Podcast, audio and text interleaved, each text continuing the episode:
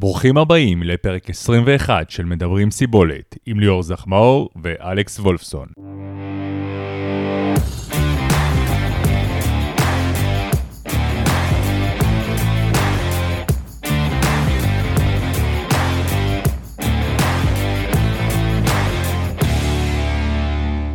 אהלן ליאור, מה נשמע? בסדר, אלכס, מה קורה? וואו, שמע, הרבה, הרבה קורה, הרבה לא קורה. כן, אה, לגמרי. אני חושב שהיינו צריכים לשבת פה, ב... קודם כל היום אנחנו ביום ראשון, ה-28 בפברואר. אה, רצינו לשבת פה כבר ביום חמישי, היינו אמורים לדבר על הישראמן, אה, פרק מיוחד, מה צריך לעשות בתחרות, כמו שגם עשינו שנה קודמת. זה כנראה כבר לא הולך לקרות, כי בסוף הוחלט לבטל את הישראמן. בואו בוא קצת נדבר על הסיבות לכך. תראה, פורמלית בסופו של דבר זה המשטרה, מגן ישראל. בסוף לא התקבלו האישורים, הישראמן הציגו איזשהו מתווה. כמובן דחו את התחרות מינואר למרץ, חשבנו שבמרץ יש יותר סיכוי בגלל החיסונים, ובגלל שזה קרוב לבחירות, פותחים את המשק. אבל בסוף אה, לא אישרו, להבנתי בעיקר בגלל דברים שקשורים בכלל בקהל ופחות אה, למתווה של המשתתפים בתחרות עצמה.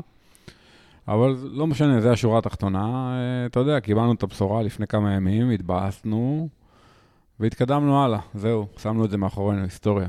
כן, צריך אה, גם להגיד מילה טובה למארגנים, באמת שנראה שהם ניסו עד הרגע האחרון אה, לגרום לזה כן להתקיים. היה דדליין שכבר, אני חושב, אה, אה, ברביעי בערב, שכבר אמורים להגיד אם זה יתקיים, לא יתקיים, וזה נדחה עוד קצת, כי הם ניסו, כנראה נלחמו שם עד הרגע האחרון.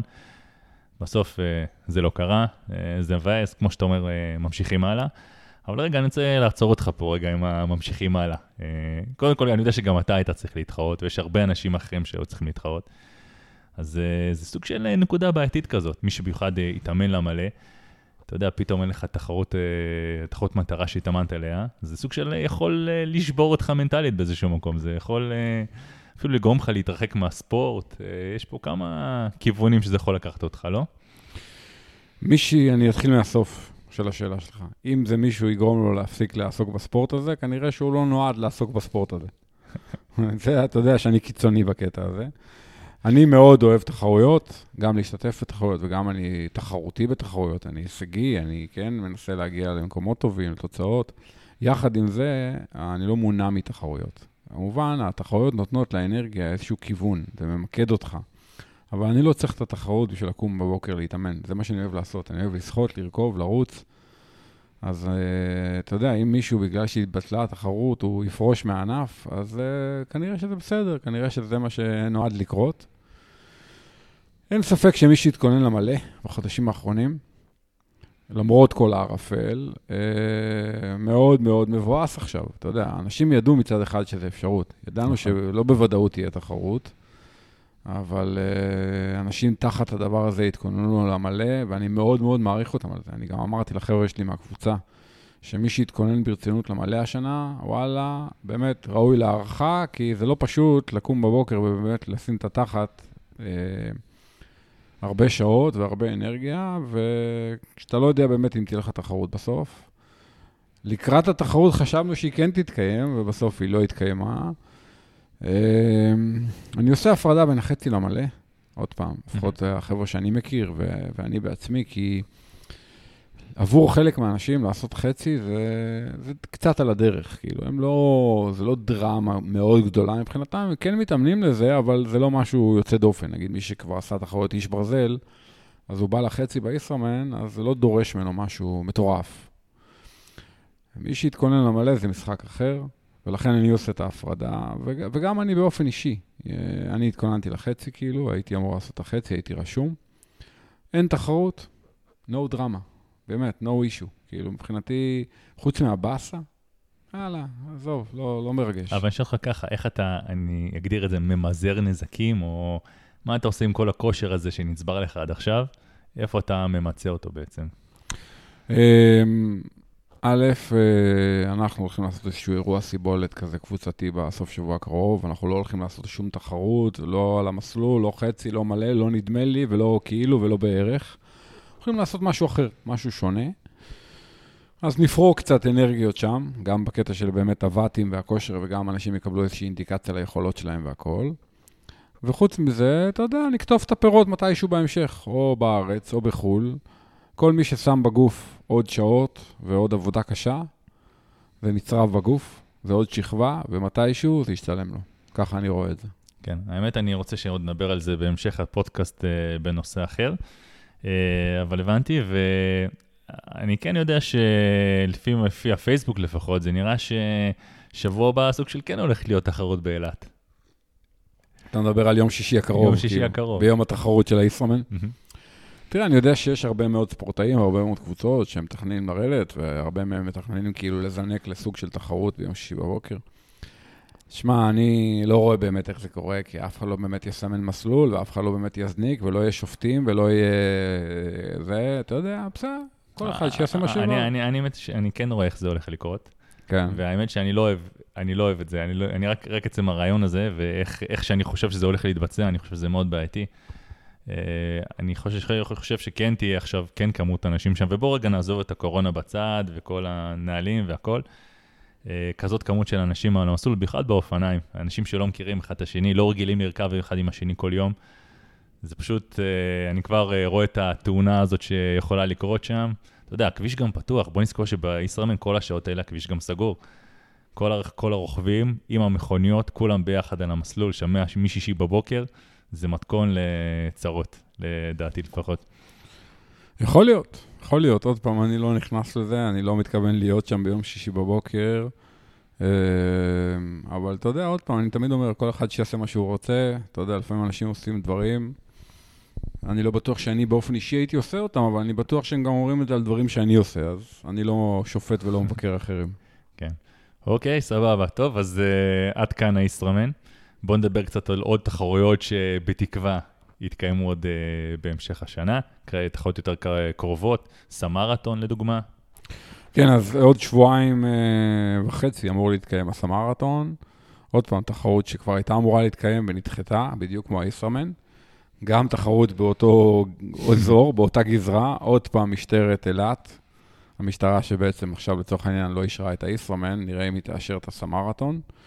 הרבה פחות בעיה של התקהלות, כי אין, זה לא אירוע גדול, גם מבחינת קהל, זה לא באיזה עיר או משהו כזה. זה, מבחינת האזור שזה עובר, זה עובר בעיקר בשטח גם, לא? כן, בעיקר Mhm. בשטח, וגם אין, אין התקהלות, אין קהל, זה לא משהו כזה כמו הישראמן באילת, ולכן יש להם הרבה יותר סיכוי לקבל אישור, אבל באמת בימים הקרובים אנחנו נדע אה, אם יש אישור או לא.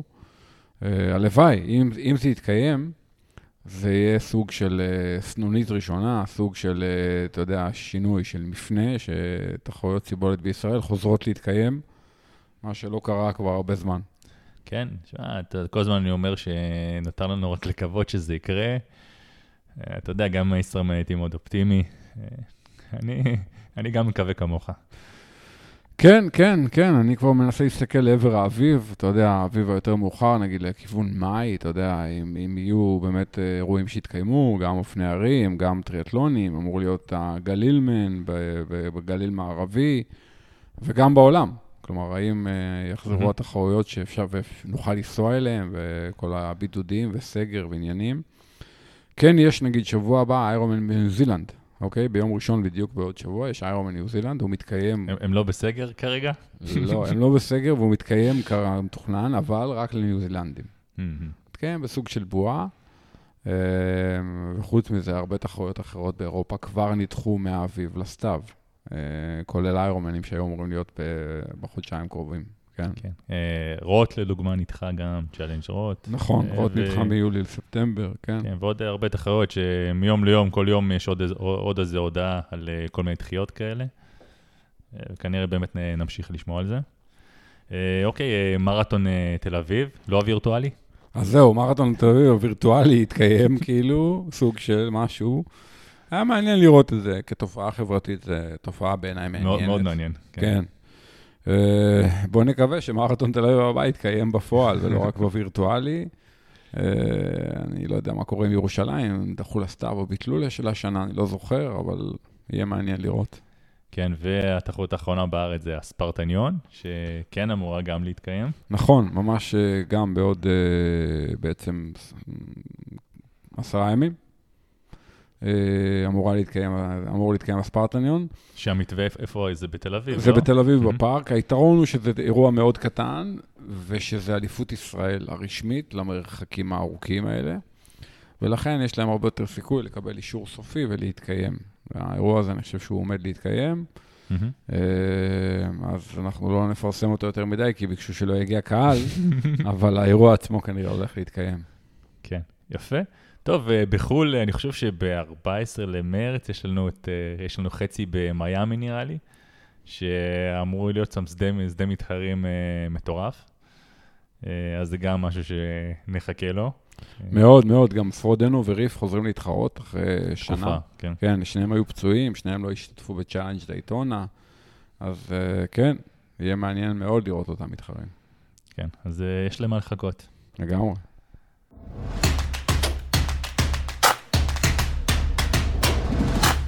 אוקיי, ליאור, אז אה, אני רוצה שנדבר קצת על אה, סימולציות או טסטים אישיים, משהו שבאמת אנשים אה, באמת יכולים לבדוק, את היכולת שלהם עכשיו. הם, להם, הם היו אמורים להתחרות, אין את התחרות.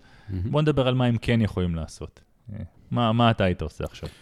תראה, בואו בוא נפריד רגע בין כמה דברים. אחד זה הטסטים, השני זה סימולציות, השלישי זה נגיד תחרויות עצמאיות נקרא לזה. טסטים, אני בעד. אתה יודע, אני בעד טסטים בשחייה, ברכיבה, בריצה, לפעמים אפשר להשתמש באיזושהי תחרות כטסט. למשל, אני מאוד אוהב אה, לרוץ 15 קילומטר או חצי מרתון ולהשתמש בזה כסוג של טסט ריצה. אפשר להשתמש באיזה משחק כטסט שחייה. אופניים קצת יותר מורכב, עדיף לעשות טסט FTP מובנה או על הטריינר או בחוץ.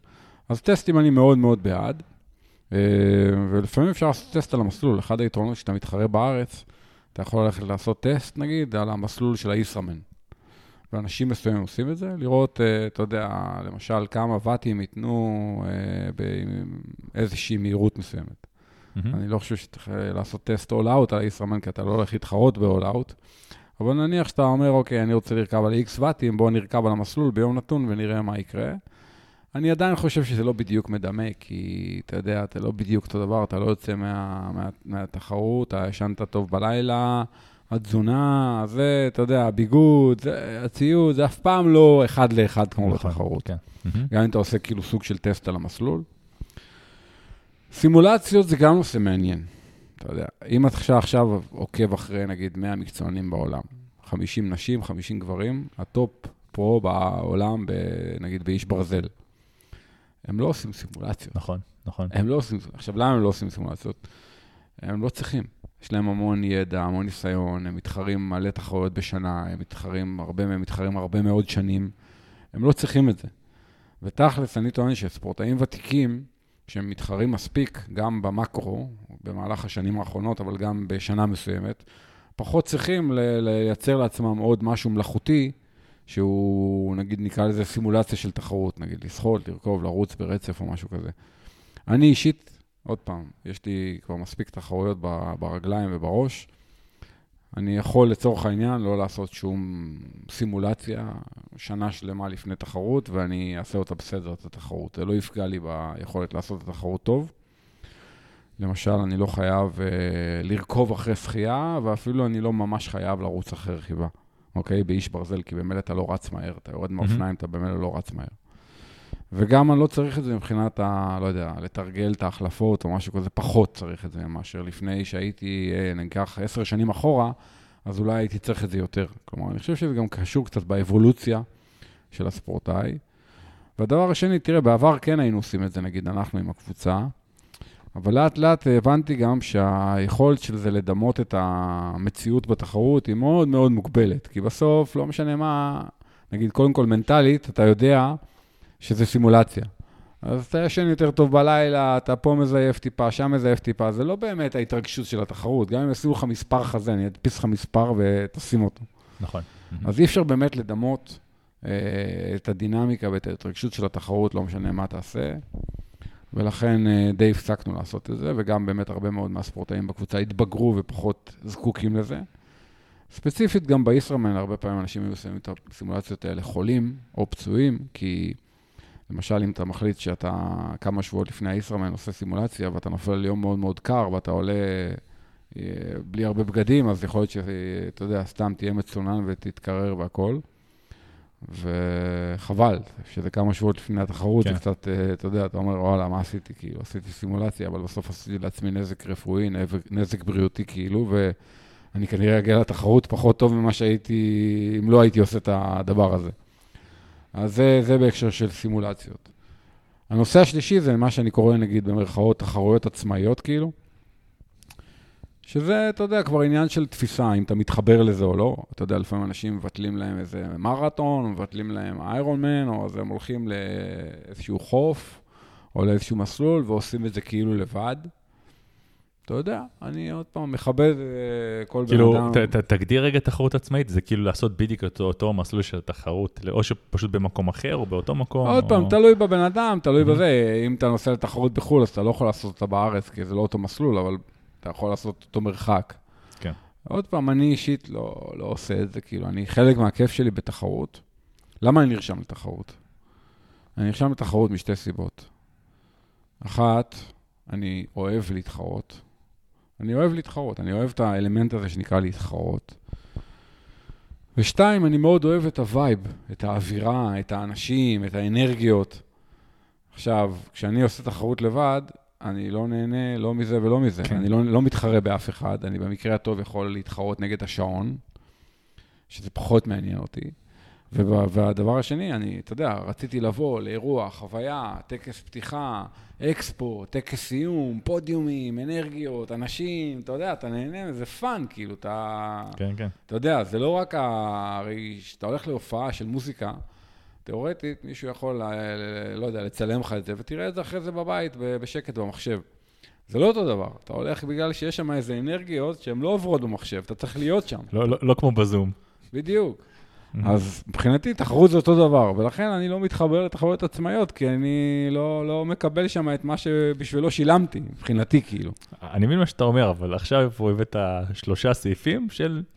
שאתה אומר שבעצם לא, לא צריך לעשות שום דבר. לא, לא, לא היית עושה שום דבר עכשיו, נכון? לא היית... לא היית עושה שום אה, סימולציה שכזו, כאילו, אני, אני מניח שהמתחרה הממוצע שיושב בבית עכשיו, הוא כן רוצה כן לעשות משהו. אני מניח שהוא לא עבר את האבולוציה הזאת שאתה מדבר עליה, ואנשים כן מחפשים פתרון מסוים של כן אה, לעשות משהו. השאלה מה, מה היית כן אולי ממליץ לבצע למי שכן מחליט לעשות. אני, וואו, קשה לי להמליץ. אני מבין את האנשים שמרגישים צורך אה, ורצון לעשות משהו, ואני מכבד את זה ומפרגן להם שכל אחד יעשה מה שהוא מוצא לנכון, אתה יודע, באמת, אין לי, אין לי, אני אישית אין לי רעיונות בהק- בהקשר הזה. אוקיי, ותגיד, עכשיו באמת אני מחליט לא, לא לעשות כלום. אה, הגעתי לשיא מסוים, זה הזמן הנכון לקחת עכשיו איזה שבוע, שבועיים אה, הפסקה, אה, לנוח, גם מנטלית, גם עם הבאסה הזאת של, ה, של הביטול, לנוח קצת ואז בעצם לחדש קצת מצברים ולחזור מחדש, או איך, איך בדיוק אתה ממשיך מהנקודה הזאת? לדעתי כן. לדעתי, בכל מקרה זה נכון טיפה להוריד קצת רגל מהגז ולנוח טיפה, אלא אם אתה, יש לך מטרה חדשה שהיא בטווח הקרוב. כי אתה יודע, קל מאוד להגיד, אה, אוקיי, יש עוד איזה תחרות באופק, בוא, אני אולי קצת אנוח איזה כמה ימים, והנה, אני ממשיך עכשיו עוד פעם לשים רגל על הגז, והנה, אני מתאמן לקראת התחרות הזאת. ובעצם נוצר מצב שאתה לאורך כל כך הרבה זמן אה, מושך אה, כושר מסוים גבוה, ויש פה איזו סכנה לפציעות גם, לא? זה... תראה, עוד פעם, אה, ספורטאי חובב ממוצע, הוא לא מתאמן בטירוף, אה, לפחות מבחינתי. תלוי מי, תלוי מי. כן, אבל אני אתן לך דוגמה. למשל, עכשיו, אם היה ישראמן, אז אנשים היו עושים אחרי זה כמה שבועות יותר רגועים, מבחינת כמות שעות, מבחינת העומס והכול, ואולי היו מתחילים להשקיע טיפה יותר בדברים שהם פחות השקיעו בהם, או קצת הזניחו בתקופה האחרונה. למשל, אולי אה, אימוני חיזוק, דברים כאלה. אז אתה יודע, זה נגיד דברים שבעיניי, אתה יודע, שווה לחזור אליהם עכשיו, אפילו שלא הייתה תחרות, זה לא משנה. כנראה שעד התחרות המשמעותית הבאה שלך יש עוד הרבה זמן. ולנסות לשמר את הכושר ולמשוך את זה עכשיו עוד הרבה חודשים קדימה, בעיניי זה טעות. אה, אתה יודע, אנחנו עשינו אימון אתמול, שבת, יום אחרי ש... אתה יודע, יום, יומיים אחרי שהודיעו ש... שבוטל, שינינו את האימון, לא עשינו את האימון שתכננו. מהמם. כי לא צריך לעשות עכשיו taper והכל. וגם חשבתי שצריך לעשות אימון שהוא קצת יותר fun וקצת יותר ביחד כזה. אה, אז עשינו אימון, עשינו אימון מאוד מאוד רציני. מצד שני, אני כן יכול להגיד לך שבשבועות הקרובים אנחנו נוריד קצת את הרגל מהגז. כי אנשים צריכים טיפה להתאוורר, צריכים אה, לגנוב איזה שבת בבית, לקום איזה שבת בבוקר יותר מאוחר, אה, אתה יודע, כן, טיפה לזייף איזה כמה שבועות זה, זה טוב, זה חשוב גם לגוף וגם לראש. כן, כי בסופו של דבר, אה, לעשות את זה משבוע לשבוע, זה באמת משהו שוחק, זה הרבה שעות בחוץ, זה הרבה שעות של לעשות בעצם אותו דבר בחוץ. וכן, צריך uh, לדעת לקחת את המנוחה הזאת, שזה גם לא פשוט, ודיברנו על זה כבר בכמה פרקים קודמים. נכון, לכן אני מאמין ב rolling hills, כאילו, שאתה יודע, האימונים של בן אדם, ספורטאי חובב, צריכים להיות rolling hills, כלומר, ups and downs, אבל בקטנה, לא משהו קיצוני. מצד אחד, אני לא מתאמן 30 שעות בשבוע, מצד שני, אין הרבה שבועות שאני מתאמן 0 שעות. אלא זה נע בתוך תחום הרבה יותר צר של נגיד כמות שעות או עומס, או לא משנה איך תקרא לזה. ו- וזה תלוי גם בתקופות, וכן, אתה יודע. אז, אז בהחלט, לדעתי, אני למשל עכשיו, שפתחו את החדרי כושר, אה, מתכוון לחדר, לחזור לחדר כושר. עשיתי חיזוקים כל השנה האחרונה, אבל עשיתי חיזוקים בבית, עם האמצעים שיש לי פה. ועכשיו, אתה יודע, כשפתחו את החדר כושר, וכבר אין חובת בידוד, גם אם אני עכשיו אהיה בחדר כושר ויהיה שם חולה קורונה מאומת, בגלל שאני מחוסן, אז אני לא צריך להיות בבידוד. נכון. אז אמרתי, טוב, אז עכשיו אני מוכן לחזור לחדר כושר. אז השבוע אני מתכוון לחזור לחדר כושר. וזה דברים שכשאתה מתכונן לתחרות, אז אתה יודע, הם פחות בפוקוס שלך. אבל עכשיו אני כבר חושב קדימה, אני מתחיל לבנות תשתיות אה, לחודשים הבאים, אתה יודע, אה, לא לטווח הקצר של השבועות. אז ככה אני מסתכל על הדברים. ובמקביל, אני אומר, נגיד, אצלנו יש חבר'ה שרוכבים אופני הרים. ובאמת הם התאפקו בתקופה האחרונה, כי הם התכוננו לישראמן. אני אומר, עכשיו לכו תרכבו אופני הרים, לכו תעשו fun, לך תרכב סינגלים, לך תעשה מה שאתה אוהב. גם אם זה לא הדבר הכי נכון לך מקצועית, כאילו, וזה, לא משנה, תהנה קצת, שחרר טיפה, אל תהיה מהודק. תזייף טיפה במשקל, תעלה קילו, תעלה שניים, זה, זה בסדר, אל תעלה עשרה קילו, אבל כאילו, תשחרר טיפה, זה כן, טוב. כן, כן, לדעתי זה באמת סופר חשוב, ובאמת אולי הדבר הכי חשוב כאן זה, נכון, זה סופר מבאס שישראל בוטל, אבל איכשהו עדיין להישאר עם הראש למעלה, וכן, אתה יודע, אנשים כן אוהבים לעשות את הספורט הזה. אה, ואני חושב שכן, כן עדיין לנסות להישאר בגישה חיובית, כי אם אתה מבואס, מכאן הדרך, אתה יודע, הדרך אה, לאבד את זה, ואתה יודע, זה מגיע לזה שאתה מאבד את הכושר, ובסוף בא לך, לא בא לך להתאמן בכלל. אני, אני אתן לך, אני אענה לך בשאלה טריקית. כשאתה קונה שעון חדש, נגיד עכשיו אתה קונה גרמין, אחת השאלות שהוא שואל אותך זה האם אתה beginner, intermediate, Advanced או Lifetime Athlete. עכשיו אני אבדוק לך בשעון, מה כתוב שם? לא כתוב Lifetime Athlete. אצלי כתוב Lifetime Athlete, אוקיי? כי אני משנת 98-99 עוסק בספורט סיבולת. וגם אני רואה את זה בהוויה שלי, זה מבחינתי, זה lifetime, זה, זה לייפסטייל גם. Mm-hmm. אז אני lifetime athlete. ולכן מבחינתי, אם ביטלו את הישראמן, זה לא נישו. זה מבאס, אבל זה שטויות, זה מים מתחת לגשר, אחרי, אחרי שעתיים זה עובר. אני lifetime athlete. יש תחרות, סבבה. אין תחרות, לא נורא. שמע, אני באותה גישה כמוך, אני באמת מקווה שמי שכן מאזין לנו, שגם יקבלו גם קצת מהגישה הזאת, כי אני יודע שבאמת שהרבה אנשים עכשיו מאוד מבואסים. לגמרי. אוקיי, טוב, וליאור, הזכרת עכשיו את החזרה לחדר כושר, אבל שכחת להזכיר את הדבר הכי חשוב. הבריכה, הבריכה נפתחה. נכון. אה, חוזרים לשחות. ולפני כמה ימים היה לנו דיון ממש מעניין באמת על החזרה לשחייה, ובאמת כמה באמת צריך לשחות לפני אה, תחרות כל כך ארוכה, ואז סיפרת לי על איזו תיאוריה מאוד מעניינת, שאני אשמח שנדבר עליה גם פה. אוקיי. Okay. אז תראה, בהקשר של שחייה, אה, אנחנו מדברים פה על שחייה לטריאטלטים, כן? לא לשחיינים. בעצם בואו ניקח שלוש אסכולות לצורך הדיון, אה, נעשה אותן קוטביות, כאילו, שונות מאוד אחת מהשנייה. הרבה מאוד מאמני טריאטלון בעולם, אני מדבר עכשיו על מאמנים של ספורטאי סיבולת מרחקים ארוכים, מאסטרים, כמו אנשים כמונו שמתאמנים לאיש ברזל, חושבים שכדאי לשחות 4-5 פעמים ביום, בשבוע, אוקיי? Mm-hmm. תיגע במים 4-5 פעמים בשבוע. בשאיפה, אימון שני באותו יום, ותהיה הרבה במים, גם בגלל שזה ישפר לך את היכולת שחייה מן הסתם. וגם בגלל שלשחייה יש המון יתרונות בהקשרים אירוביים, בגלל שאתה עם הראש בתוך המים, אז מייצר איזשהו היפוקסי, ואז זה משפר לך גם את היכולת האירובית, שבאה לידי ביטוי גם ברכיבה וגם בריצה. Mm-hmm. אמנם אתה שוחה, אבל זה לא משנה. ומחזק את הליבה וכדומה. הגישה השנייה אומרת, שמע, לשחות 4-5 פעמים בשבוע זה נחמד בתיאוריה, אבל בפועל זה מאוד קשה להגיע לזה, כי אתה גם רוצה לרכוב ולרוץ. ובוא נניח שבן אדם עושה 7 יחידות בשבוע, יאללה, 9 יחידות בשבוע, אני זורם, פעמיים בשבוע, הוא מתאמן פעמיים ביום. Mm-hmm. עדיין מאוד קשה לייצר כל כך הרבה יחידות שחייה. כן. והשחייה בסוף, נגיד, בתחרות כמו איש ברזל, היא בסך הכל בין 50 דקות לשעה וחצי לרוב האנשים. ובתוך התחרות זה 10% נגיד מהתחרות, זה לא כזה משמעותי. אפשר להגיד שזה זניח, אבל זה יחסית מאוד קטן, ההשפעה של השחייה. בדיוק, אז החלק, החלק של השחייה הוא קטן, אז אומרים, אוקיי, תשחה נגיד פעמיים בשבוע. נכון, זה לא אופטימלי, קשה מאוד להשתפר בשחייה עם רק פעמיים בשבוע, אבל זה ריאלי. לשחות פעמיים בשבוע זה ריאלי, ואני יכול להגיד לך שאני באופן אישי, כשאני מתאמן לאיש ברזל, ברוב השבועות, ברוב הפעמים שהתאמנתי לאיש ברזל ברצינות, שחיתי פעמיים בשבוע. אבל שחיתי 4-5 קילומטר כל, כל אימון. אבל לא יותר מארבעה, לא יותר מפעמיים בשבוע, כמעט, כמעט תמיד. Mm-hmm. כי פשוט זה לא, אני לא מצליח להגיע למים יותר מפעמיים בשבוע.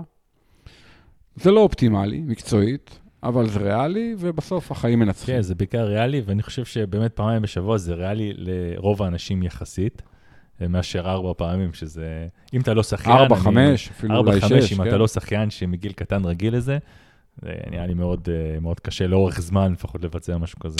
לא, הבעיה היא גם באמת למצוא את הזמן. תחשוב שבן אדם כן. יש לו משפחה ועבודה, אז אתה יודע, לייצר נכון. חמש, חמש יחידות כן, שחייה בשבוע. לשלב את הכל ביחד זה וגם לרכוב ולרוץ, זה מאוד קשה. כן. האסכולה הקיצונית השלישית אומרת, אל תשחה שמונה, עשרה חודשים לפני התחרות. רגע, רגע, לא, לא, לא שמעתי? אפשר עוד פעם? נגיד שאתה רשום ל... לא יודע, איזושהי תחרות איירומן ביולי, אוקיי, אין לך מה לשחות עד uh, מרץ, לצורך העניין. תרכוב ותרוץ, תשתפר באופניים, תשתפר בריצה, שם זה ממילא המשמעות, החלק המשמעותי מבחינת הזמנים בתחרות והכל. Mm-hmm. תשקיע ברכיבה, תשקיע בריצה, עזוב את השחייה. עזוב את זה לגמרי, אתה לא צריך לשחות בכלל. נגיד שלושה חודשים לפני התחרות, תתחיל לשחות, ואז אפילו אולי תתעדף טיפה את השחייה, תשחה יותר מפעמיים בשבוע. ובסוף, כשמסתכלים על זה בתחרות עצמה, האם האסכולה הזאת תביא אותך לשער הסיום יותר מהר. גם אם תשחה יותר לאט, נגיד שסתם, לצורך העניין, בגלל שנקטת באסכולת, נגיד, שמונה חודשים בלי שחייה, ארבעה חודשים בלי שחייה, או אפילו תשעה חודשים ושלושה חודשים, אז יכול להיות שתשחק כמה דקות יותר לאט. אבל יכול להיות שתגיע יותר מהר לשער הסיום, כי השתפרת מאוד באופניים ובריצה, כי היה לך mm-hmm. בעצם עוד יחידות אימון, תשעה חודשים בשנה, שהשקעת אותם באופניים ובריצה. אמ, אני חושב שזו אסכולה מאוד קיצונית, היא יכולה לעבוד למי? למי שהיה שחיין. או למי ששוחה כן. טוב. תראה, לי יש חבר'ה, ניקח נגיד את גיא קרוטס, שהוא, אתה יודע, שוחה אה, ברמה עולמית, כאילו, איש ברזל. לא, לא, כמק, לא במקצוענים, אבל... לא, יצא, יצא ראשון מהמים בקבוצות גיל. באיירון קופנהגן למשל, הוא יצא ראשון כן, מהמים. אתה כן. מבין? כאילו, מכל הקבוצות גיל. איזה אלפיים איש יותר, שלושת אלפים כן. איש. רק המקצוענים שחו יותר ממנו. בן אדם ששוחה 48 דקות, 50 דקות. אז בן אדם כזה כמו גיא, אני אומר לו, תשמע, השחייה מבחינתך זה nice to have. מבחינתי, אתה יכול אפילו לא לשחות שמונה, תשעה חודשים בשנה, חודשיים, שלושה לפני התחרות, תתחיל לשחות, וגם אז תשחה פעם, פעמיים בשבוע, לא צריך יותר. תרכוב יותר, תרוץ יותר, בסוף, לשער הסיום, זה יביא אותך יותר מהר. כן. כי ההבדל בין שהוא שוחה לבין שהוא לא שוחה, מבחינת הזמן שחייה אצלו, הוא זניח, ברמת השתי דקות. לעומת זה, באופניים וריצה, יש לו עוד הרבה לאן להשתפר, כי הוא לא בא מאופניים וריצה. ולכן אני חושב שהאסכולה הזאת היא, היא קצת נשמעת קיצונית וקצת נשמעת אה, לא הגיונית, אבל יכול להיות שלאנשים מסוימים אה, זה בהחלט יכול להתאים. לכן אני לא בהכרח נגדה. אה, אתה יודע, זה, זה קצת עניין פרסונלי באמת. הרבה כמה... יגידו, הרבה יגידו, מה, מה, אנחנו מכירים את ליאור, אין מצב שהוא אומר דבר כזה בכלל. למה? אתה יכול לשאול את גיא קרוטס, אתה יכול לשאול את עמרי גזית, החבר'ה שבאים משחייה, שחיינים טובים, אופיר דמלין. אני בתקופות מסוימות אומר להם, תקשיבו, מבחינתי אתם לא, אתם לא ממש חייבים לשחות. כאילו, במיוחד אם זו תקופה שאנחנו חושבים שבן אדם צריך לשפר את האופניים או את הריצה. אז אני אומר, לא שחית, לא דרמה. אז מה, אתה אומר נניח בחורף עכשיו, אני יכול אה, לא לשחות, אני מעדיף נניח להשקיע שאר הדברים, שאר הענפים? לא בהכרח. לא אמרתי שזה מתאים לכולם. ו- כמובן, למי שזה מתאים, נניח. יכול להיות שלאנשים. מסוימים, כן. אתה יודע, אני... אצלי למשל, הטווח בשחייה הוא מאוד מאוד צר. הכי טוב שלי עד היום באיש ברזל הוא 52 דקות, הכי גרוע שלי עד היום באיש ברזל הוא 58 דקות. אז 6 דקות נגיד, זה הטולרנס, אבל רוב הפעמים זה יותר 55-56 כזה. עכשיו, אתה יודע, לפני כמה חודשים כתבתי שאם אני לא אשחה בכלל, ואני עכשיו אקפוץ למים, אני בטח אשחה נגיד גג שעה. זאת אומרת, אני לא נהיה הרבה יותר גרוע כשאני לא שוחה, ואני גם לא נהיה הרבה יותר טוב כשאני כן שוחה. כן, אתה מבין כן. מתכוון? כי, כי זה הטווח. ואתה יודע, זה מאוד מעניין. אה, ועכשיו אני לא אומר שזה מה שצריך לעשות, אבל זה בהחלט משהו שהוא, אתה יודע, הוא שווה לשקול אותו, עוד פעם, לאנשים מסוימים בתקופות מסוימות. כמו שגם לאנשים מסוימים בתקופות מסוימות, אולי שווה לשחות 4-5 פעמים בשבוע, ודרך הדבר הזה הם מאוד השתפרו, גם אם זה על חשבון אופניים וריצה בתקופות מסוימות. זאת מהמם. אומרת, אה, אני חושב שצריך להיות פתוח וגמיש מחשבתית, זה, זה המסר העיקרי. באיזשהו מקום זה גם מוריד את הלחץ למי שעכשיו לא שחה תקופה ארוכה בגלל הקורונה ובגלל כל הסגרים שהכל היה סגור. זה, גם זה עוד נקודה. נכון, ועל זה דיברנו באחד הפודקאסטים האחרונים. אתה יודע, אני השבוע שחיתי, שבוע שעבר חזרתי לשחות, כי אמרתי, עוד רגע יש ישראמן וזה, אני אשחה קצת. אה, אני רשום לחצי. באמת, בחודשיים האחרונים שחיתי פעמיים. אז שבוע שעבר אמרתי, טוב, יאללה, אני שבועיים לפני התחרות, אני ארים את השחייה. ואתה יודע, הלכתי לשחות, והייתי יותר איטי, בערך ב-2-3 שניות ל-100. בהשוואה לתקופה שאני בכושר שחייה ממש טוב.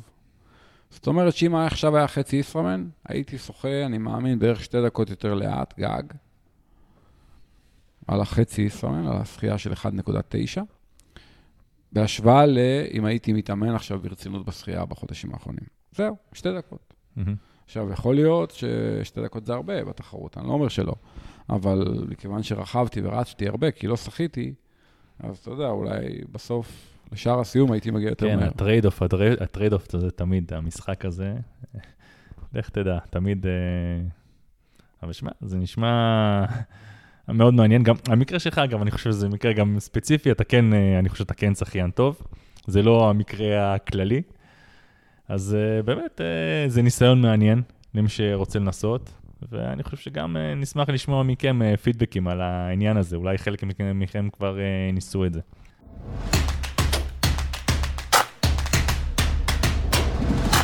דיברנו, התחלנו באמת, דיברנו קצת על תחרויות. אני רוצה רגע לדבר איתך על נושא שהיה ככה בשבועות האחרונים, צץ ברשת. אה, היה איזה פוסט על בחור שכתב שעצבן אותו המחירים של התחרויות, והוא פשוט החליט שהוא, אה, איך נקרא לזה, מתפלח לתחרויות כסוג של אה, הפגנה. אתה יודע, רץ בתחרות, לוקח מהשתייה של התחרות, אתה יודע, ממש כמו מתחרה לכל דבר, אפילו הוא שם על עצמו מספר מזויף. אתה יודע, כי הוא חלק מהתחרות. אז אולי בואו נגיד מה אנחנו לפחות חושבים על הדבר הזה. שמע, ברור לך שאני מאוד נגד הדבר הזה, אין פה שאלה בכלל, אה, מהרבה טעמים. אני אתן לך את הטיעון שאני בדרך כלל נותן כטיעון ראשון, והוא קצת מפתיע את האנשים. אם עכשיו הבן אדם הזה היה מתעלף על המסלול, אוקיי? מה היה קורה? מה שהיה קורה זה שהיה מגיע רכב פינוי של המארגנים, היו מפנים אותו, מטפלים בו, מפנים אותו וזה, ואולי גם היו לוקחים אותו לבית חולים והכול. עכשיו בוא נניח שלצורך העניין, במקביל היה מתעלף עוד אחד, אוקיי?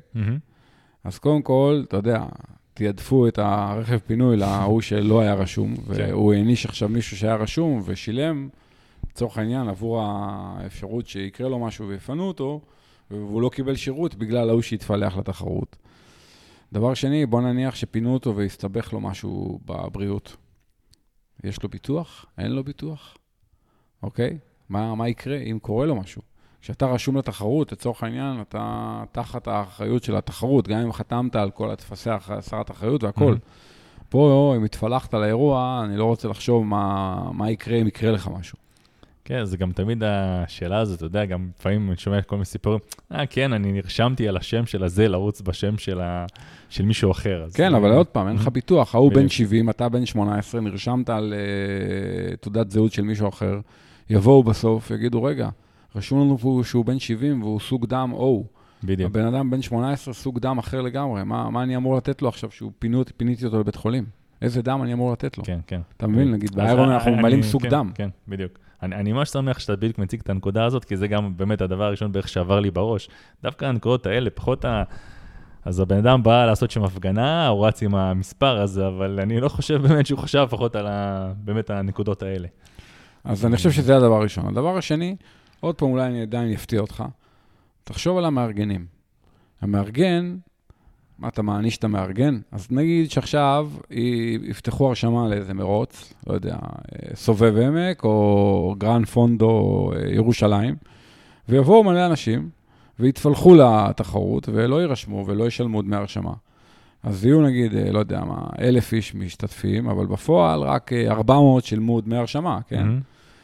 עכשיו תאר לך מה יקרה, המארגנים, אה, כאילו, אתה יודע, אה, כן. האירוע הזה לא יתקיים שנה אחרי זה, לא. אז מה עשית? הרגת גם את התחרויות והרגת את המארגנים ואת המפיקים והכול. כמובן שלא יהיה מים לאף אחד ולא זה, כי נערכו לכמות מסוימת של אנשים לפי כמות ההרשמה. אבל בפועל, כשאתה תגיע לתחנות תזונה, לא יהיה שתייה ולא יהיה אוכל ולא יהיה כלום, כי לא ידעו שיגיעו נכון. פי שניים נכון. אנשים. וזה אגב מה שקרה כבר הרבה פעמים, בהרבה מאוד תחרויות, שבאמת נכון. אה, הרבה פעמים גם אנשים מבוגרים שנמצאים אה, בסוף, אה, אנשים שיותר קשה להם, אתה יודע, מגיעים ואין מים, פשוט נגמרו כל המים, אבל רגע, המים היו לכל המשתתפים, היה, כנראה שהמארגנים כן, היה פה איזה חישוב שכן זה יספיק לכולם, אז איפה המים נעלמו? זה גם עוד נקודה. כן. לגמרי, כן. ו- והדבר האחרון, שאולי זה הטיעון הכי, אתה יודע, מתבקש, זה שבסוף, אתה יודע, עכשיו אתה נוסע על כביש 6. כתוב, נגיד, אה, לא יודע, מותר לנסוע 120, 130. עכשיו אתה נוסע באוטו, אתה אומר, תשמע, אני דווקא נוסע 200. שמע, הכביש טוב, הכביש ריק, נו, אז מה הם אמרו לנסוע 130? מה, אני, אני עושה בהפגנתיות, אני נוסע 200. זה לא עובד ככה. אתה יודע, אתה לא עושה מה שאתה רוצה. נכון. אתה יודע, אז נכון שבמקרה של אה, תחרויות זה כאילו כביש ציבורי וזה, אבל עדיין הנה כביש ציבורי, זה לא משנה. זה לא עובד ככה. אתה יודע, זה, בעיניי זה, לצורך העניין, זה כמו שתלך עכשיו לספורטק, ואתה תראה אנשים משחקים כדורסל חמש על חמש, ואתה תיקח את הכדור, ותיקח כדור ותתחיל ללכת לזרוק שם לסל. אתה מבין מה מתכוון? כן, כן. אתה יודע, יש דברים שלא עושים ברמה הבין-אישית והרמה האנושית. אז בעיניי זה, אתה יודע, להתפלח לתחרויות, זה... אני אגיד לך, אני לדעתי זה גניבה לכל דבר, ה- ההתנהגות הזאת, ולעשות דבר כזה. אה, גם אני, מבחינתי זה מאוד אה, לא, לא מקובל, גם, אתה יודע, נתת פה את כל הנקודות גם, שאני בדיוק חושב כמוך. אה, ואני חושב ששנינו ראינו, ראינו את זה כבר קורה בתחרויות, בדרך כלל אנשים, הבן אדם עוד השקיע, הוא שם מספר כזה, כן? יש הרבה שפשוט נכנסים ו... אה, זה כבר זיוף, זה פלילי כבר. זה נכון, נכון. זה, זה גם פלילי. אה, מה שאני כן שמח לפחות זה לראות, אה, באמת ראיתי הרבה תגובות שם לפוסט הזה, ולפחות זה היה ברוח הדברים שאנחנו אומרים עכשיו. ו... שתבין, כן. אני כמאמן, אתה יודע, יכול ללכת לאיזה מרתון, להגיד, שמע, אני המאמן, אז אני באתי לרוץ איתם. מהמם. אבל אני לא עושה את זה, ואם אני רוצה ללכת לרוץ עם מתאמנים, סתם בשביל הכיף, או להיות שם על המסלול או משהו, אז אני נרשם לתחרות. אני משלם דמי הרשמה, ואני נרשם. אתה יודע, גם אני רוצה ללכת לרוץ מרוץ אייל ולעשות, אה, לרוץ קל, שעה וחצי, בסדר? שזה קל בשבילי.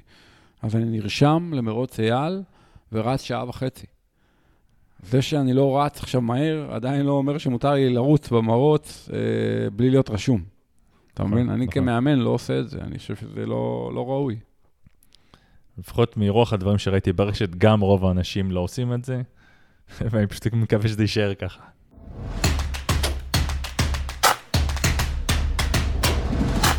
אוקיי, ליאור, אה, בוא נדבר קצת על אה, אופניים.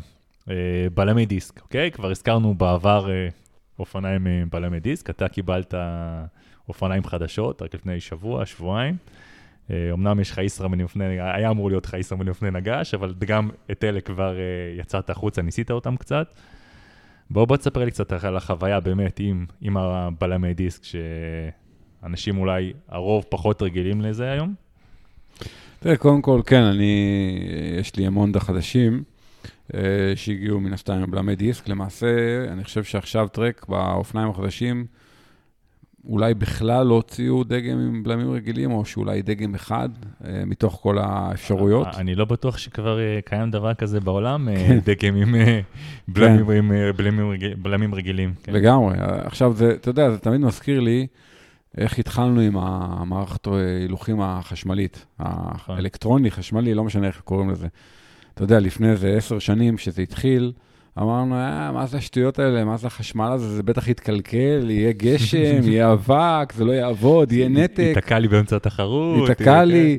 באמת, בהתחלה, בשנה, שנתיים הראשונות, אתה יודע, ישבנו, הסתכלנו מה קורה, והיו אולי טיפה תקלות בהתחלה, אבל תוך איזה שנתיים לא היו תקלות יותר, זה עבד מצוין, בהתחלה בדורייס, ואחר כך באולטגרה. ומתישהו הבנו שזה עובד, והתחלנו לעבור לחשמלי הזה, ואמרנו, וואו, וואו, זה עובד ממש טוב, וזה גם לא עושה בעיות. כל כך טוב שהיום אתה אומר לעצמך, רגע, אני, אם עכשיו ייתנו לך עכשיו אופניים בלי, אתה תגיד, אה, רגע, לא, לא, אני לא, לא יכול. אז אתה יודע, עכשיו זה קורה עם הדיסקים. אתה יודע, בשנתיים, שלוש האחרונות שהתחילו עם הדיסקים, בהתחלה הייתה הרבה התנגדות והרבה ביקורת וציניות וסקפטיות, אתה יודע, למה אני צריך בלמי דיסק באופני כביש ובאופני נגש?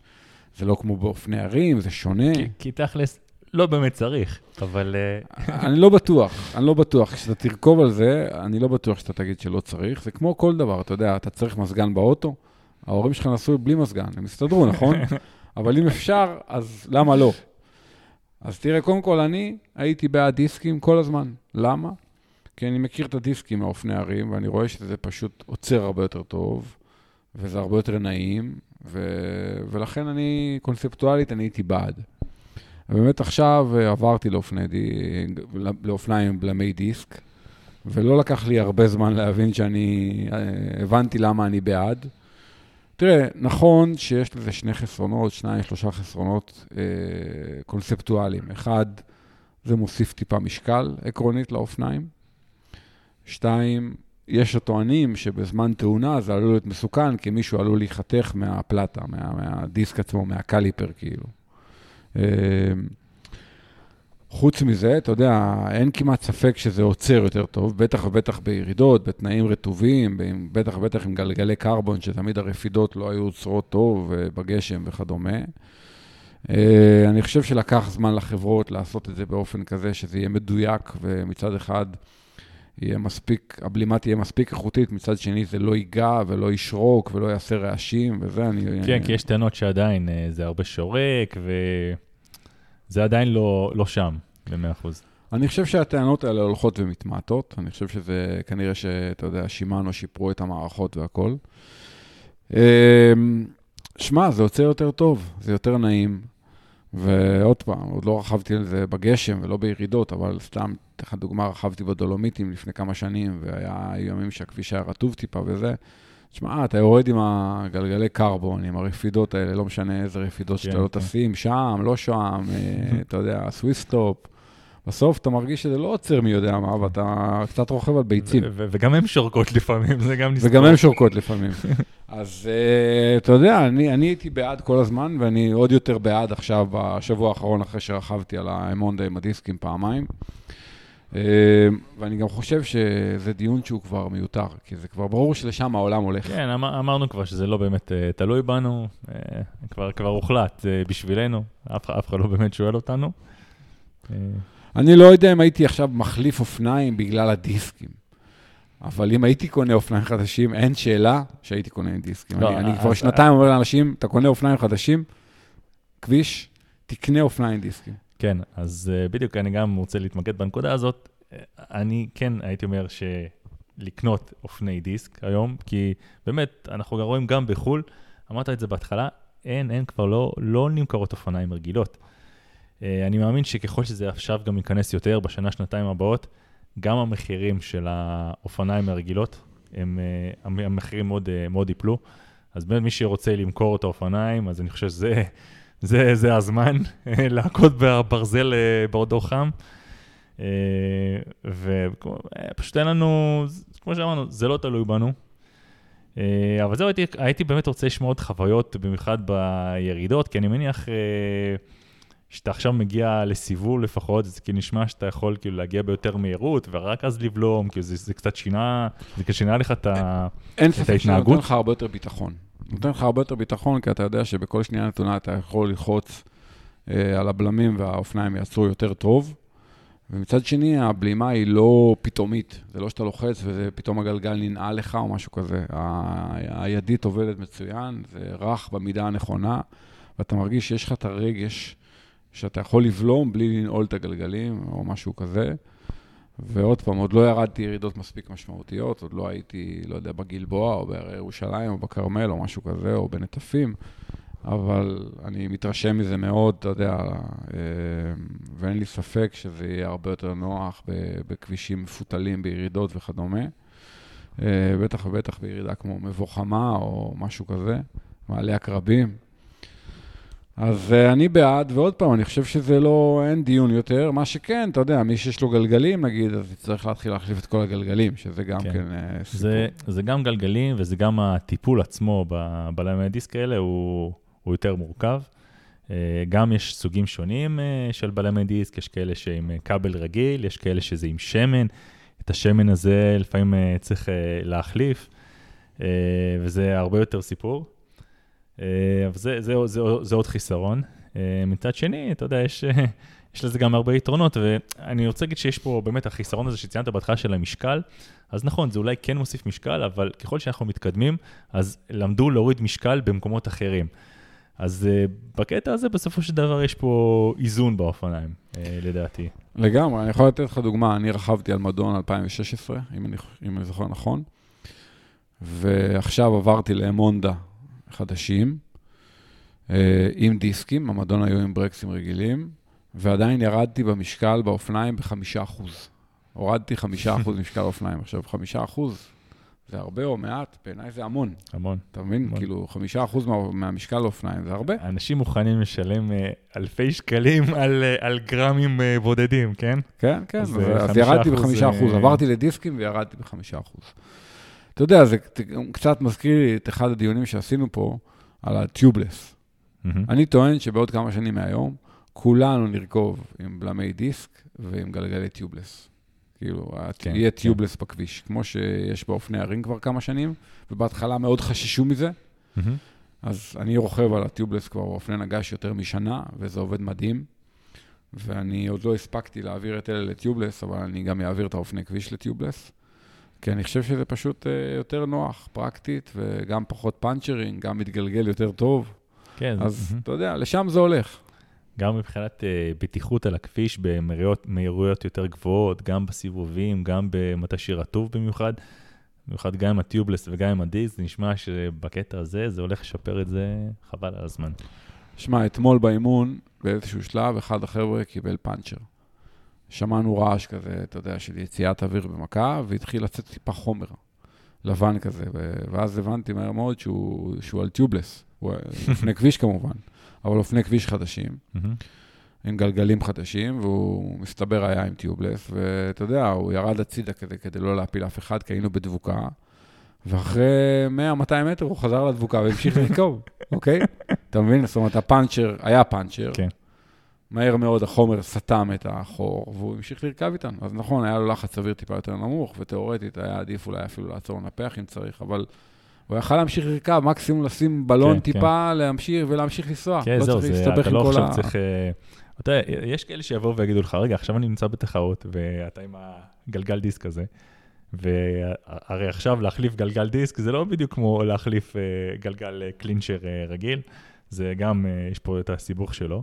ופה באמת, אם אתה עם הטיובלס הזה, אז כביכול, אתה יודע, אתה רק נותן לו אוויר, זהו, אתה ממשיך לנסוע. נכון. איך שכל פעם אנחנו מדברים איזה, על, על חיסרון מסוים, ויש איזה משהו אחר שמקזז אותו.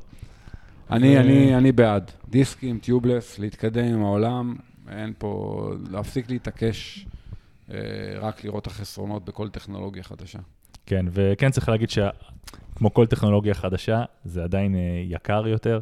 אני חושב שדיסקים כאלה, עוד פעם, אמרנו שיש רמות מסוימות, אבל יש פה כבר, ברגע שאתם קונים אופניים כאלה, זה כבר מייקר את העסק באיזה 2,000 שקל לפחות. אה, אבל אה, כמו עם כל דבר חדש, זה חלק מהעסק. חד משמעית.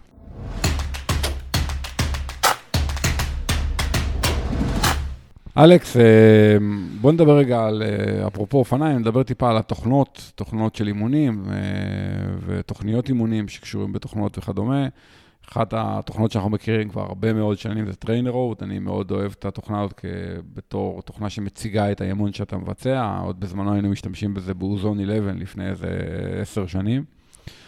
ומאז כבר עברה הרבה מאוד אבולוציות ותהליכים, ובעצם היום לא רק תוכנה שמציגה את האימון בצורה נוחה, אה, ועושה לך את כל ה ERG mode וכדומה, אם אתה רוצה, אלא גם בעצם בונים לאנשים תוכניות אימונים, ולא מזמן היה איזו סערה ברשת, כי היה את כן. דילן שכתב שהתוכניות שלהם הן קשות מדי וזה. כן. אה, ומנסים בעצם גם לשפר את התוכניות שלהם, והבנתי גם שיש להם איזשהו פיצ'ר חדש שקשור לזה.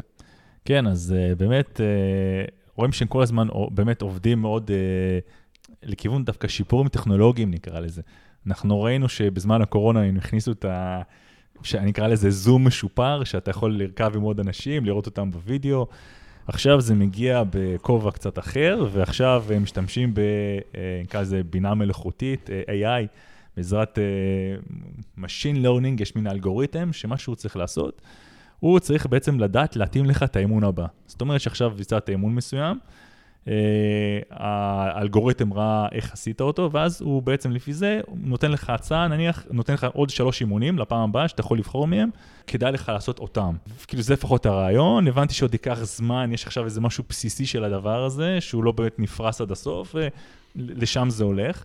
Uh, זה יותר מכוון דווקא לאנשים דווקא לא כאלה שמתאמנים מסודר, ולא, כי הרי אנחנו יודעים שטריינר עוד מציע גם תוכניות אימון, דווקא זה לא מכוון לכיוון הקהל של התוכניות אימון, אלא דווקא לאנשים שלא יודעים מה לעשות, שמסתבר שיש הרבה כאלה, שאיפה שנמצאים אה, באמצע כזה, אה, אתה רוצה עכשיו לעלות על אופניים, אתה רוצה לפדל. אה, הם כנראה גילו שבאמת יש הרבה מאוד, הרבה מאוד משתמשים שהם ככה, ואתה יודע, אתה עושה את האימון, הוא פה יתאים לך את האימון הבא, האימון הבא, וככה זה ימשיך. עכשיו תשאל אותי מה אני חושב על זה. אני שואל. אז uh, אני חושב שטריינרות קצת לא, לא, הם לא, לא הולכים למקום הנכון. Uh, אמרת בעצמך שגם דילן העלה איזה נקודה שממש הייתה סערה ברשת בעקבות זה, בעקבות זה שאומרים שהתוכניות שלהם קשות מדי, הן לא באמת מותאמות לרוב הספורטאים. שים לב שהם לא מתייחסים לנקודה הזאת, אף אחד לא באמת לוקח את התוכניות האלה ומתחיל לשפר אותן, להתאים אותן ליותר ספורטאים. אין תוכניות לטריאטלטים נניח. Uh, הכל מאוד מוכוון לרוכבי אופניים, והדוגמה שהוצגה, בסרטון ההוא, שבעצם יש לך שישה אימונים בשבוע וכולם ב- על הסף, uh, משהו שמאוד קשה לביצוע. ושים לב שהתוכניות האלה לא הותקנו כבר איזה שנתיים, שלוש, אז נכון, זה תוכניות מעולות, חלקם, אבל אומרים שזה מאוד שוחק. אה, הם לא עושים עם זה כלום כרגע. גם שים לב שיש להם הרבה מאוד תחרות מצד האפליקציות האחרות. יש את Zwift, שאנחנו רואים שיש, אתה יודע, זה כאילו הדבר החם, כולם הולכים לשם. Zwift כל הזמן גם פורסת עוד ועוד אה, דברים חדשים שהם מציעים. אה, יש את Rouvy גם, שיש להם שת"פ עם Ironman, שכל הזמן עושים תחרויות וירטואליות. ושים לב, TrainerRoad נשארת עדיין בתחום הזה שלה, של האימונים, של האימון הממוקד. מי נמצא שם? כל החבר'ה שהם באמת הארדקור. חבר'ה, תקרא להם הרציניים, אה, יש להם קהל מעריצים הדוק, בשבילם זה אחלה, וגם הפישר הזה וכל דבר שטרנר עוד יעשו. ואני אגיד לך משהו, אני גם הייתי שם פעם. ואתה יודע, היום אני מסתכל על זה ואני קצת לא, קשה לי, קשה לי עם הכיוון הזה שהם הולכים אליו, כי אני לא רואה, אני מנסה להסתכל כמה שנים קדימה, ואני מנסה להבין איפה זה, לאן, לאן זה הולך ואיפה זה ייגמר, כי נשמע שהעולם... רוב העולם לא בדיוק הולך לשם. אז אה, כן, עם המעריצים הדוקים האלה, הם כן ימשיכו עוד כמה שנים, אבל אם לא יבוא איזה הדבר החם הבא, איזה משהו באמת, איזה להיט כזה שהם אה, יציגו, דווקא לדעתי יותר לכיוון הגרפי, יותר לכיוון אינטראקטיבי, כמו שהם עשו עם הזום הזה. אה, אני לא, לא רואה את זה ממשיך להתרומם. וואלה. תשמע, זה מעניין, הכיוון הזה של כאילו בינה מלאכותית, לצורך העניין, הוא בהחלט מעניין כ- כשיטה לאמן בלי שיש מאמן אנושי מאחורי הדבר הזה. אתה חושב שרובוט ליאור. כן. תשמע, אני בכלל לא אוהב תוכניות גנריות. אתה יודע, אני טוען שאתה לא יכול לדעת אם פתאום בן אדם, איך הוא מגיב, הוא פתאום לא מרגיש טוב, הוא פתאום חולה, אז מה תעשה? כל התוכנית הלכה, איך אתה מתחיל לערבב את הדברים מחדש. או שתמיד אני אומר, כל ההמרות של הימים, איזה יום זה יום שבת, יום ראשון, ויש חגים, פתאום פסח, פתאום זה, פתאום, אתה יודע, נכון, זה לא, נכון. בשום תוכנה לא כתוב שיש עכשיו שבוע חופש ואתה יכול להתאמן יותר, או להפך. את השבוע במילואים. מהמם. אני מאוד אוהב את התוכנה עוד כתוכנה של הצגת האימון, אתה מבין? כלומר, אני אוהב להתאמן כשיש לי את המסך הזה מול העיניים. אני אומנם לא משתמש בזה, אבל השתמשתי בזה בעבר, עוד פעם, באוזון וכדומה. אבל אני תמיד, יש לי, קשה לי בשלב שבו התוכנות רוצות גם לאמן ספורטאים, ובטח, בטח כשתוכנת אה, אימון אופניים רוצה לאמן טריאטלטים ודברים כאלה, אז בעיניי, אני, שם זה נגמר, אני מאבד אותם, לצורך העניין. ובאמת, מצד שני, העולם הולך לכיוון האינטראקטיבי כמו זוויפט. כלומר, אנשים רוצים פשוט לרכב עם אנשים, פחות רוצים את האימון אולי המובנה והכול. אז uh, יהיה מעניין לראות מה יקרה עם טריינרות בשנים הקרובות. כן, תשמע, אני, אני כן מבין אותם שהם uh, לקחו את ה, באמת את החלק, את הקטע הזה של האימון, ו... כי אתה יודע, אתה מציע תוכנית במחיר סביר, אתה מושך קהל מאוד מאוד גדול. השאלה באמת לכמה שנים אתה יכול עם אותם דברים שאתה מציע להם, uh, לשמר את הקהל הזה. כמה זמן uh, זה יחזיק. Uh, כן, uh, ייזקף לזכותם שיש להם גם פודקאסט, שהם עוד גם uh, מאוד משקיעים בו מדי שבוע. כל פעם גם מצטרפים לשם עוד מאמנים, וכן, זה כן עדיין איכשהו מושך את זה, אבל לא יודע, משהו שם לא... בוא נגיד ככה, אני פחות מתחבר לזה, נקרא לזה משבוע לשבוע. כן. בוא נראה, טוב, ימים יגידו. ימים יגידו.